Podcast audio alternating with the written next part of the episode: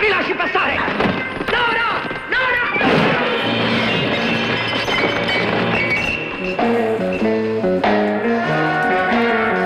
Non vivo più, non voglio più l'amore. Ja, dit is de trailer van de Italiaanse film Het meisje dat te veel wist uit 1963. Het is de eerste titel uit het B-filmgenre, genaamd Giallo, dat nu weer herontdekt wordt. De kernwoorden zijn bloed, seks, provocatie en sensatie. Recent verscheen er een nieuw boek over het genre, getiteld Gelb wie die nacht van Christian Kessler. Arthur Westijn, historicus en stiekeme liefhebber, is de gast over de herkomst en de opkomst van het genre. Welkom. Goedemorgen. Uh, allereerst die naam, Giallo, zeg ik het goed? Zeker, ja. En Giallo betekent eigenlijk geel.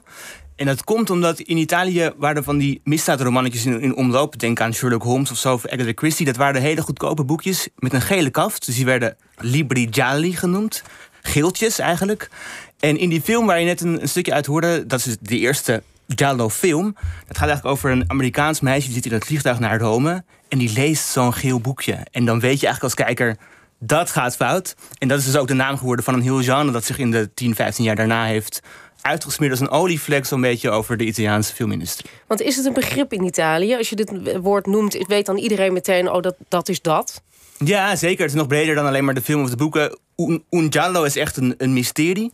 En Italianen houden wel van mysterie. Ze houden ook wel van, van, van moord en van ook een beetje het bovennatuurlijke. Dus eigenlijk elke keer ook als je de kranten openslaat in Italië... ook de kwaliteitskranten, die hebben veel aandacht voor... is er echt een ontvoering of een moord en dan is dat een giallo... en het wordt in geuren en kleuren wordt dat uh, uit de doeken gedaan. En je hebt een aantal van die films bekeken deze week. Um, heb je genoten? Uh... Ja, genot is... Nou, nee, dat, dat, ik, ik, ik heb me goed vermaakt. Laat ik het daarop houden. Maar, maar waaraan moet zo'n film voldoen? Noem eens een paar ingrediënten... dat we meteen allemaal snappen waar, wat, wat we krijgen. Nou, het moet vooral niet voldoen aan een goed plot. Het plot is meestal volkomen absurd. Het hoeft ook niet te voldoen aan goed acteerwerk of uh, uh, uh, mooie dialogen. Het gaat puur en enkel alleen om de, om de vorm. Het zijn, het zijn films die echt een hele gekke soort van surrealistische sfeer scheppen. Een bloedstollende sfeer. En het komt vooral door dingen als camerawerk of uh, uh, uh, contrastwerking. Dus heel, heel sterke contrasten tussen licht en donker. Gebruik ook van kleur. Dus bijvoorbeeld een lichtinfo in een kamer die is niet zonlicht, maar die is paars of oranje. Is het een beetje dezelfde sfeer als de spaghetti westerns die veel mensen kennen? Daar lijkt het heel, heel erg op. Het is ook dezelfde periode dat het opkomt, begin jaren 60. Um, in die spaghetti westerns zit ook heel veel geweld. Dat is natuurlijk een, een, een element dat ook in deze films heel sterk is. Ook wat je ziet bij de spaghetti westerns van die hele extreme inzooming, hè? bijvoorbeeld op de ogen. En dat is in de Jolly nog erger dat alleen maar één oog er wordt uitgehaald, bijvoorbeeld. Dat je, dat, dan kijk je in het oog van de, uh, van de moordenaar. En wat ook een, een mooie overeenkomst is met de spaghetti westerns, is de muziek. Dat draagt ook bij aan de sfeer. En bijvoorbeeld beroemd uh, componist Ennio Morricone, die veel van die spaghetti westerns heeft voorzien van een soundtrack, heeft ook voor deze Jolly gezorgd voor allerlei een beetje mysterieuze muziek die bijdraagt aan die, uh, aan die hele nou ja, bloedstorrende sfeer.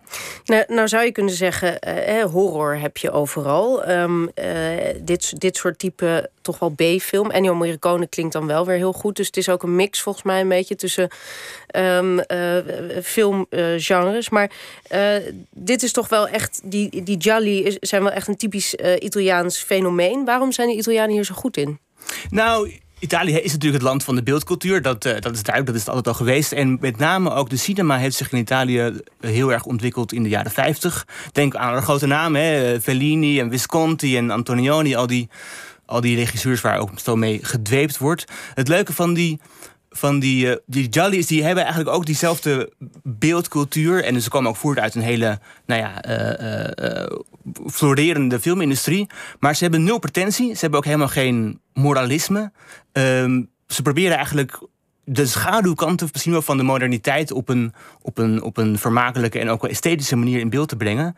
En daar zijn Ita Italianen heel goed in. Misschien wel omdat ze esthetisch zijn, maar ook omdat Italië, zeker in die periode, een land was dat als geen ander land heel snel moderniseerde.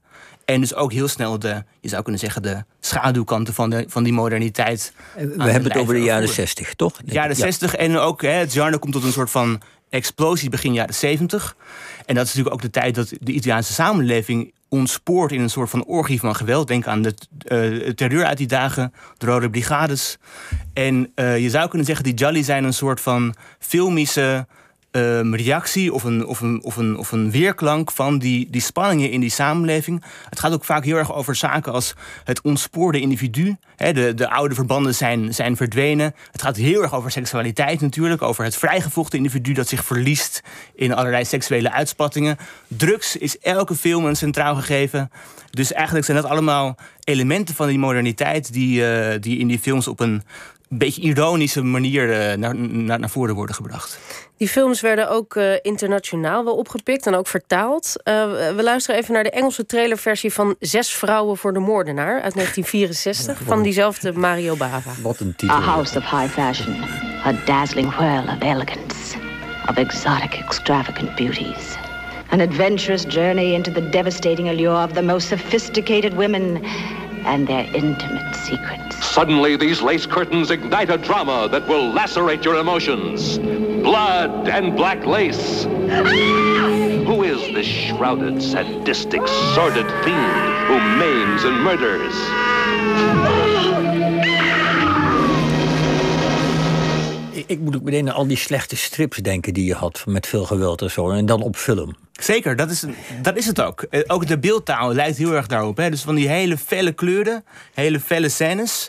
Um, en het gaat ook, in, net als in die strips, dus niet om, om, om het verhaal, dat is een bijzaak. Maar het gaat om hoe je dat eigenlijk op het scherm kunt, uh, kunt laten zien. Um, er zit, deze film speelt zich af in een modehuis, daar begint het. Um, past die setting ook uh, binnen het concept van de Giallo? Ja, schone zeker. schijn. Uh... De schone schijn, de, inderdaad, de façade van, van, van esthetiek. Die, eh, en mode is natuurlijk ook in, in die jaren in Italië heel erg een opkomst. Italië is ook het land niet alleen maar van de film, maar ook van de mode. En uh, die, die, die schone schijn die wordt gebruikt als een façade, maar wordt ook vooral ingezoomd op wat daarachter zich allemaal afspeelt. Alle, alle, alle uh, misdaad en, uh, en drama en uh, ook sadisme die achter die, achter die wereld zitten. En wat ook wel intrigerend is van dat genre de giallo is dat het, het zoomt vaak in op, op, op figuren die lijken heel succesvol te zijn. Uh, de eigenaar van een modehuis of de, een, een, een projectontwikkelaar. Mensen hè, die het gemaakt lijken te hebben. Maar het blijken dan in werkelijkheid natuurlijk allemaal hele perverse sadisten te zijn. Dus het geeft ook uh, die schaduwzijde van de realiteit komt, mooi uh, Is er ook een film over de katholieke kerk? Zeker, want dat is natuurlijk ook een belangrijk aspect um, eigenlijk van die modernisering. Die kerk die, die, die, die raakt op de achtergrond. Um, en de moraliteit van die kerk, de hypocrisie van die kerk, die wordt ook uh, uh, mooi belicht. Er is één specifieke film die dat heel sterk doet. Dat is een, echt een, een, een, een, uh, een hele gekke film. Alleen de titel is al heel raar. De, de titel heet um, Non si cevicia un paperino. En dat betekent eigenlijk, je moet Donald Duck niet martelen. En dan denk je al bij zo'n titel, waar gaat het over? Gek genoeg, het is een best wel realistische film. En die gaat over een serie um, uh, kindermoorden in een klein dorpje in Zuid-Italië. En het blijkt dat degene die dat gedaan heeft, is de goedlachse priester uit het dorp. Een film van Lucio Fulci, dat is een hele extreme regisseur... die ook zelf komt uit zo'n heel katholiek nest... en die zich heeft losgeworsteld van die van die kerk. En dus ook heel duidelijk probeert schoon schip te maken. Hè? Eigenlijk met de moraliteit, met de, de, de waarden van die kerk. Actuele film dus eigenlijk. Die film is misschien wel van alle... alle die, veel van die Jolly zijn nogal gedateerd geraakt. Maar deze film kun je nog steeds vanuit een heel erg uh, modern perspectief uh, bekijken en waarderen. Zeker. En tot slot, heeft het, heeft het genre nou ook invloed gehad buiten de Italiaanse grenzen? Nou, zeker in, in, uh, in Amerika. Deze films waren ook vooral gemaakt voor de internationale markt. Dus in die, van die grindhouse bioscopen in Amerika werd dit constant op, op, uh, op repeat gedraaid. En wie daar bijvoorbeeld zat als, als tiener in Los Angeles was Quentin Tarantino. Die eigenlijk al zijn films heeft gebaseerd op, op stijlmiddelen uit, uh, uit, uit, uit deze films. Dus in die traditie zit het zeker nog voort. En als je naar Rome gaat, dan kun je ook nog steeds een winkel Profondo Rosso bezoeken. En die winkel is vernoemd naar de beroemdste film eigenlijk uit het genre. Is ook in het eigendom van de beroemdste regisseur, Dario Argento. Dus die kun je nog steeds daar uh, eigenlijk aan den lijf, uh, of tegen het lijf lopen. Dus in die zin is het ook in Italië nog zeker springlevend. Nog eventjes, en we zien het op Netflix? Nee, dat is moeilijk. Maar op YouTube staat er, staat er heel, heel wat. Dus het zijn ook films die, omdat ze goedkoop zijn geproduceerd... daar is geen auteursrecht meer op. Dus dat kun je allemaal op YouTube... Uh, in, de, in de avonden van de lockdown komende weken regenachtige dagen in, in Nederland kun je die vullen met uh, Italiaanse horror bizarre titels googelen. Hartelijk dank, eh, historicus Arthur Westijn. En voor wie meer wil lezen en gruwelijke plaatjes wil zien ook... de Duitse Christian Kessler schreef het boek Gelb wie die Nacht, uh, in het Duits. En het is bij de boekwinkels te bestellen of via Martin Schmidts verlaag.